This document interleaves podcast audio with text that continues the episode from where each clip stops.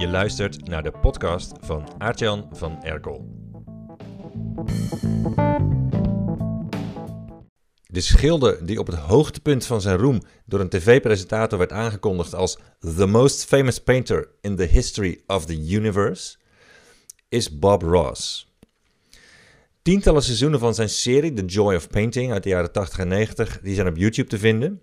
En je ziet hem daarin als een geduldige leraar die ons relaxed uitlegt hoe we heel makkelijk landschappen kunnen schilderen. Met bergen, met bomen en waterpartijen. En zijn schildertechniek is niet het enige dat hem tot een cultfiguur op internet heeft gemaakt. Zijn populariteit komt ook voor een groot deel door zijn stem.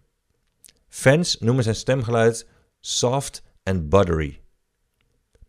En als je hem beluistert, valt het inderdaad op dat hij zacht praat, bijna fluisterend.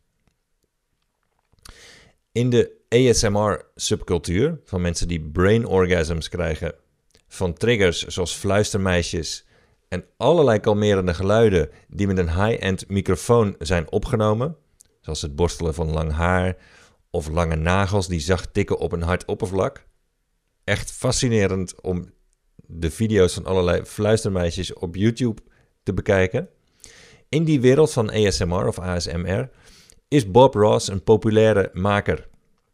En in de Netflix-documentaire Bob Ross, Happy Accidents, Betrayal and Greed, daarin vertelt Steve Ross dat zijn vader er bewust destijds voor koos om zacht te praten. Niet omdat hij in zijn militaire diensttijd als drillsergeant in de Air Force al genoeg had geschreeuwd, zoals sommige mensen zeggen, maar omdat hij een concurrent had die ook een schilderserie op tv had en die sprak met een harde, onprettige stem.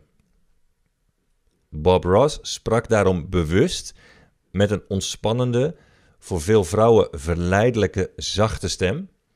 En zijn populariteit oversteeg mede daardoor die van zijn schilderende concurrent.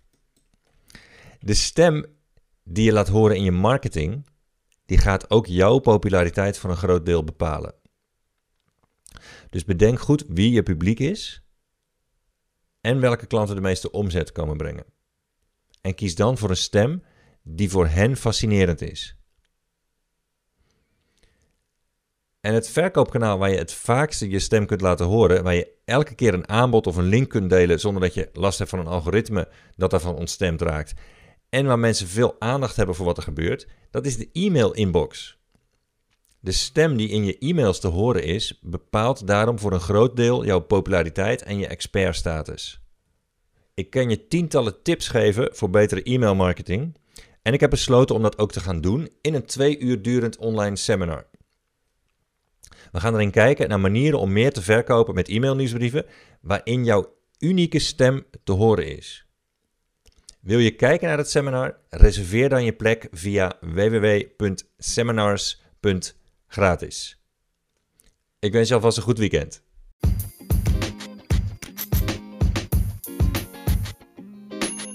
Dit was een aflevering van de podcast van Aartjan van Erkel. Wil je politiek incorrecte marketingtips om de nummer 1 in je markt te worden?